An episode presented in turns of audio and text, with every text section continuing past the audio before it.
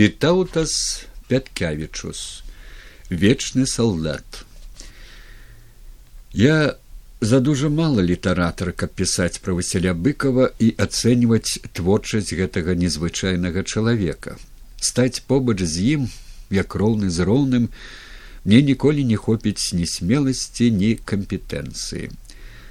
Гэта волат духу варты глыбокіх і аргументаваных штудыяў таму гэтую вялізную працу я пакідаю вам дарагія беларусы. А я паспрабую даць толькі некалькі фрагментаў нашых з ім сустрэч і сяброўства. Магчыма яны і не вельмі яркія аднак для мяне асабіста вельмі дарагія і павучальныя. Быў самы разгар лета девятнадцатого чэрвеня. Солнце кацілася по зямлі па абодва бакі дарогі мільгалі маладыя стройныя хвойнікі касыя праменні сонца выстройвалі іх у палкі і батальёны шабетаў птушыны аркестр здавалася што ўся прырода чакала нейкага асаблівага загаду усявышняга. Настрой быў такі прыўзняты што я на момант забыў куды і чаго еду. Ну і пасваволім падумаў сам сабе. Пакупаемся ў мнёмане затопім лазню а я гэтага беларуса пацягаю па такіх месцах пра якія яму і не снілася. Але шлях быў доўгі. Таму мой сябар растлумачыў мне што василь быкаў у друскіненкае не адпачывае не лечыцца а піша што ён канфліктуе са сваёй уладай і часцей за ўсё друкуецца не ў мінску а ў москве па ўсім відаць паўстала новая зорка літаратуры пра якую паэт твардоўскі сказаў. Быкаў гэта сумленне салдата які не вярнуўся з бітвы паколькі і я даволі доўга і стабільна канфліктаваў са сваёй уладай гэта мяне зацікавіла. Таму я пачаў больш дэталёва распытваць пра свайго госця але і мой сябар не ведаў нічога надзвычайнага.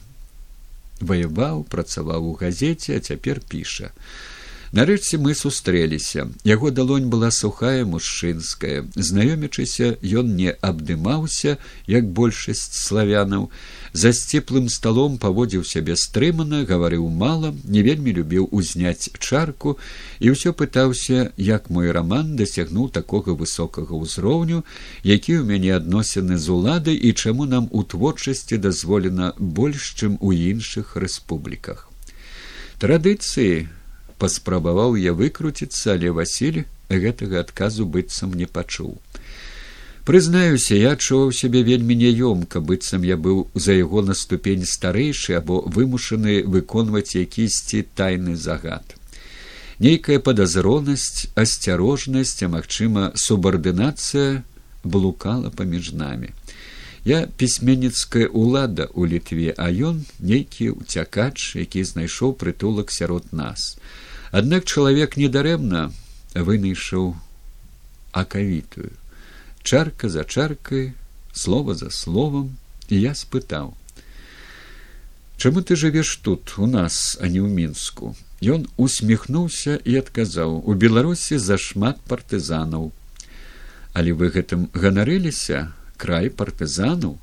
Бяда ў тым што мноства нашых дзяржаўных мужоў і па сённяшні дзень усё партызаніць гэтыя словы прагучалі для мяне незвычайна і так нова што мне адняло мову. Нас суседзі даволі часта павучалі савецкаму патрыятызму або угодліва пасмейваліся з яго аднак быкаў не святататстваваў. Яго незвычайныя словы былі сказаныя так шчыра і з такім смуткам што сумнявацца не даводзілася Таму праз некаторы час я зноў асмеліўся закрануць гэтую рану, якая яго мучыла. А чым вы займаецеся, калі ўлада партызаніць? Я трохі інакш ваюю, але самае дзіўнае усё ваюю відаць інакш я не магу мы сапсаванае пакаленне чытаючы вас я гэтага не заўважаю дрэнна чыталі ён зноў мяне не выслухаў моя вайна не адступленне і атакі гэта не моя стыхія Як там пісаў твардоўскі гарады ворагам здаюць салдаты, а генералы іх вяртаюць зноў. Гэта правіла афіцыйная версія ўсіх войнаў. Мая вайна руіны свядомасці чалавека, дакладней рэабілітацыя разбурнай вайной свядомасці. Я не атрымаў шмат навукі. Так пра мяне пішуць адукаваныя крытыкі. Далей пачалося вялікае табу, калі мастак пачынае разумець мастака з паўслова, уздыху ці жэста рукі і больш нічога не пытае, пакуль сябар яму не адкрыецца сам ад яго разыходзіцца нейкае утульнае цяпло як цяпер модна казаць прыцягальная аура а тады я адчуў што з гэтым чалавекам можна ісці праз лес або класціся ў адзін акоп гэтая сустрэча была вельмі падобная на візіт ветлівасці аднак у маёй памяці яна засталася як нейкі яркі прамень якога я ніяк не мог забыць У думках я вяртаўся і вяртаўся да яе. Нейкая незразумелая сіла цягнула і цягнула да яе. Нейкая неардынарная асоба, магніт, з якога прамянілася незвычайнае чалавечае цяпло. Я перачытаў яго творы яшчэ раз і стаў ведушчым, як сляпое кацянё. Нашыя сустрэчы сталі рэгулярнымі. Некалькі пазней выйшла і моя кніга пра паваенную літву. Я назваў яе пра хлеб, каханне і стрэльбу. Прачытаўшы яе, Васіль быкаў доўга маўчаў, глядзеў на мяне, пра тое сёе пытаў, а пасля сказаў: « Кніга добрая, нават вельмі добрая, але гэтыя залатыя рамы на чорта. Я прыкінуўся няўцямным. Ты добры мастак, патлумачыў ён мне намаляваў добрую карціну, якой даволі звычайнай глыбокай рамы, а ты абклею яе золатам. Зашмат усялякіх званочкаў. Зразумеў. Вайна самая найгоршая з усіх бедаў, які прыдумаў чалавек. Ну як тут табе сказаць?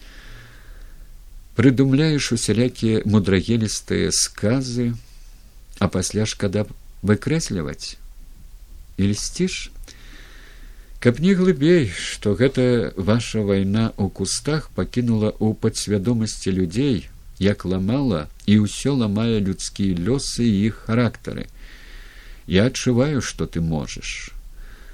Другі раз мне тлумачыць не спатрэбілася. Прыгадваю наше наведванне вільні варотаў зары і упрыгожанай выявы марыі карону якой падараваў цар мікалай падараванае царом мацярынства сказаў василь у мяне выклікае падазрэнне это якраз тое самае што забітаму салдату пасля смерти надаць імя героя. Гэтая залатая карона знішчыла яе як святую пра гэта я таксама неаднаразова думаў таму няўдала зноў прыгадаў твардоўскага што пісьменнік павінен быць чыстым і сумленным як свядомасць салдата, які не вярнуўся з бою. Навошта так гучна усміхнуўся ён. Паэты ёсць паэты. Усе мы нараджаемся аднолькава, толькі паміраем кожны па-свойму. Як былі звыклі паводзіць сябе ўсё жыццё. Я думаю, што мы вымушаныя пісаць так, што нам з гэтымі творамі паміж людзьмі трэба жыць не менш як сто гадоў, хаця мы цудоўна ведаем, што заўтра прыйдзе апошні. Але ўсё адразу не выкажаш. Бег час аўтарытэт Васяля быкова як пісьменніка рос штодзень. Яго пачалі перакладаць на многія мовы. Мне давялося ўдзельнічаць у адным сімпозіуме пісьменнікаў нямметчыны. Тады на доўгія прамовы не было часу, бо людзі заўсёды вельмі спяшаюцца. Калі трэба што-небудзь сур'ёзнае пастанавіць, усё не хапае часу, хаця штодзённа яно траціцца на ўсялякія дробязі. Прыгадваю толькі прызнанне отта пройслера, калі ён сказаў, што чытаючы аповесці Васіля быкова, ён адчуў сябе такім самым няўдачнікам, як і рускі воін, які тырчыць супраць яго у акопах. Гэта не было супрацьстаяннем рускага і немца, гэта было няшчасцем усяго чалавецтва. І ён са сваімі сябрамі прыняў прысягу ніколі не брацца зброю вырашаць праблемы чалавечага існавання. Сапраўды час нікому нічога не даруе і нічога не дае дарма. Як літаратар василь быкаў дасягнуў сусветнай вышыні але як чалавек застаўся такім жа сціплым і простым. Аднойчы мы сустрэліся у цэнтральным доме літаратараў у москве павіталіся перакінуліся адным другім словам пасля чаго ён спытаў чуў што і цябе за творчасць пабілі? Здарылася. Ад цябе навучыўся. Не перажывай мастак заўсёды павінен быць на баку пакурыўджаных. Слабых удакладніў ён і пачакаў што я адкажу.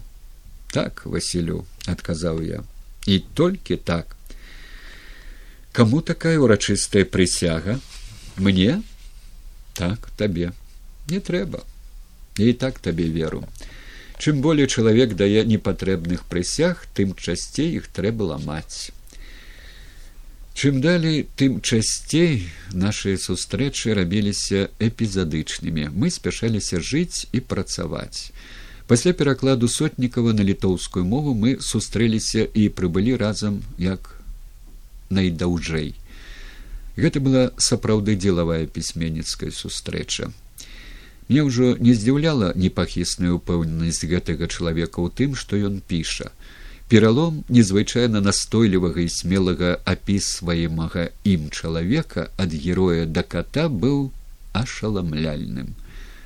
Усё псіхалагічна абгрунтавана апраўдана усё падагнана быццам у сцяне амерыканскіх інкаў без ніякага раствору дзе паміж вялікімі адшліфаванымі глыбамі каменю не ўваткнеш нават ляза ножыка складанчыка як табе ўдалося спытаў я яго.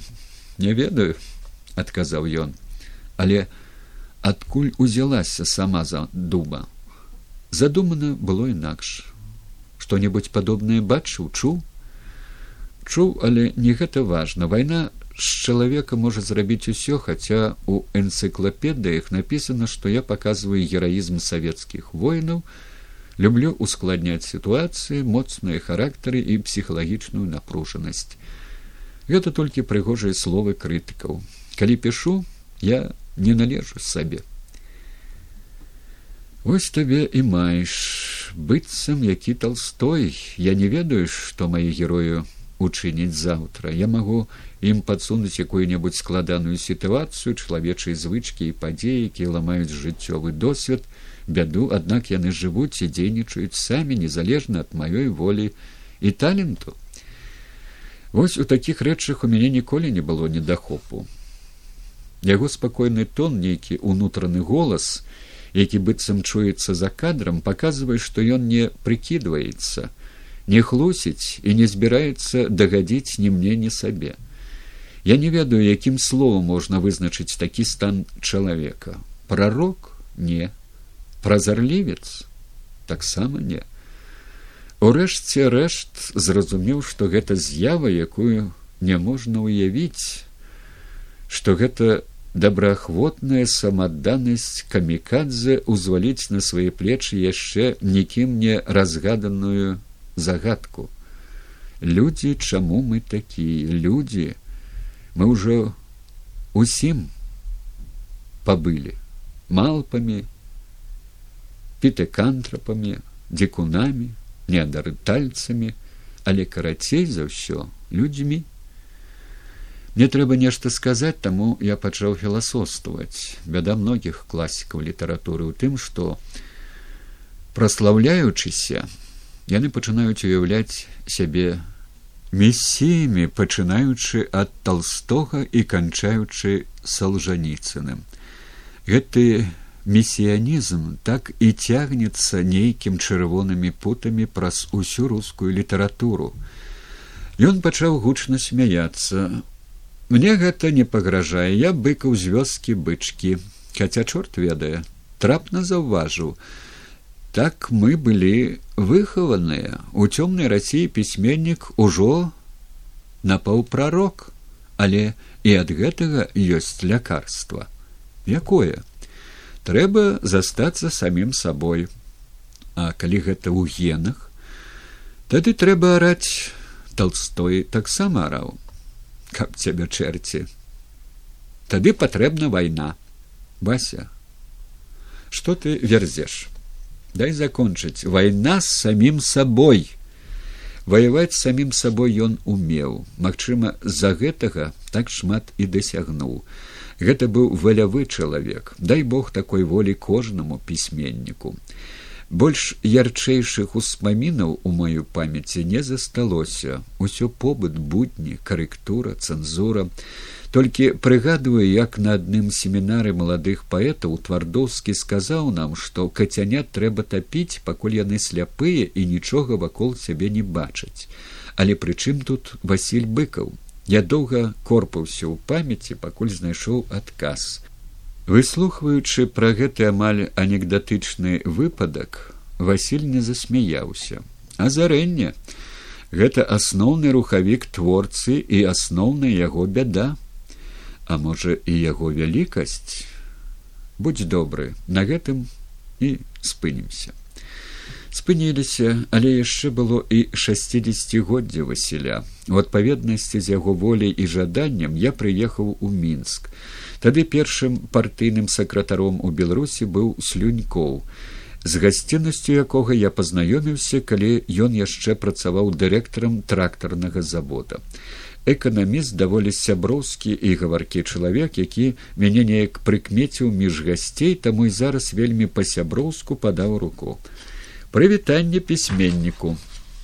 Василь так уважліва на мяне зірнуў быццам бы я быў нейкім джеймсом бондам. Аднак тлумачыць яму ўсё было няёмка. Праходзілі ўрачыстасці. Быкова віншавалі прадстаўнікі грамадскасці пісьменнікі сябры. Удалося і мне сказаць некалькі слоў. Як прынята ў літве пасля некалькіх сур'ёзных фраз я пачаў жартаваць лепш доўгая каўбаса чым доўгая прамова або ад пахвал чалавек хутчэй псуецца чым ад крытыкі і так далей і так далей. Маё віншаванне на тэлебачанне было скарочана і я быў паказаны на экране сыходзячым з трыбуны амаль нічога не сказаўшы. Назаўтра сабраліся асвяжыцца. Я не вытрымаў і паскардзіўся сплюнкову увечары было паказана ўсё маё віншаванне. Василь быў уражана ну ты даеш. Нармальна гасцей трэба паважаць. Як ты з ім пазнаёміўся? Ёсць падазрэнне што я не таго лесу птушка? Не хлапечая дапытлівасць я ему ўсё расказаў і мы весела пасмяяліся аднак не гэта важна на сканчэнне вячэры я заўважыў як василь з усіх кішэняў і жончынай сумачкі дастае грошы каб разлічыцца з рэстаранам гэта мяне ашаламіла. Такі чалавек такая велічыня столькі вялікіх і уплывовых людзей сабралася яго павіншаваць а ён лічыць уласныя грошыкі. Няўжо ўлада не магла наскрэпсці некалькі тысячаў рублёў так праславіўшаму яе чалавеку. Мне стало сорамна, я ўстаў і хацеў падысці да яго. Васіль усё зразумеў, спыніў мяне злосным позіркам і сярдзіты сказаў: « Не спяшайся, яшчэ паедзем да мяне. Пасля гэтага мы доўга не бачыліся. часам звязваліся па тэлефоне. У Беларусі адбыўся сімпозіум на тэму глобалізацыя і родная мова юнеска паслала і мяне зрабіць невялікае паведамленне рыхтаваўся я як ніколі не хацелася ўзайсці на трыбуну з пустымі рукамі тым больш што мяне мелі пачуць старыя сябры. Як я здзівіўся калі адніла гілевічы янкі брыля пачуў што вася у нямметчыне і зноў ссыльны нечакана вырвалася ў мяне ён ніколі такім не быў яго нашы людзі вельмі любяць быццам вінаваты пачаў апраўдвацца ніл. Прабачце сябры я паспяшаўся. Пісьменнік сусветнага значэння нідзе не з'яўляецца ссыльным. Нават дома ён прыналежнасць усіх літаратуру любячых і чытаючых яе людзей, а унутранае сутыкненне яшчэ раз паказвае, што ў вашай уладзе хтосьці ўсё яшчэ партызаніць, хаця лесу не бачыў, як сваіх вушэй.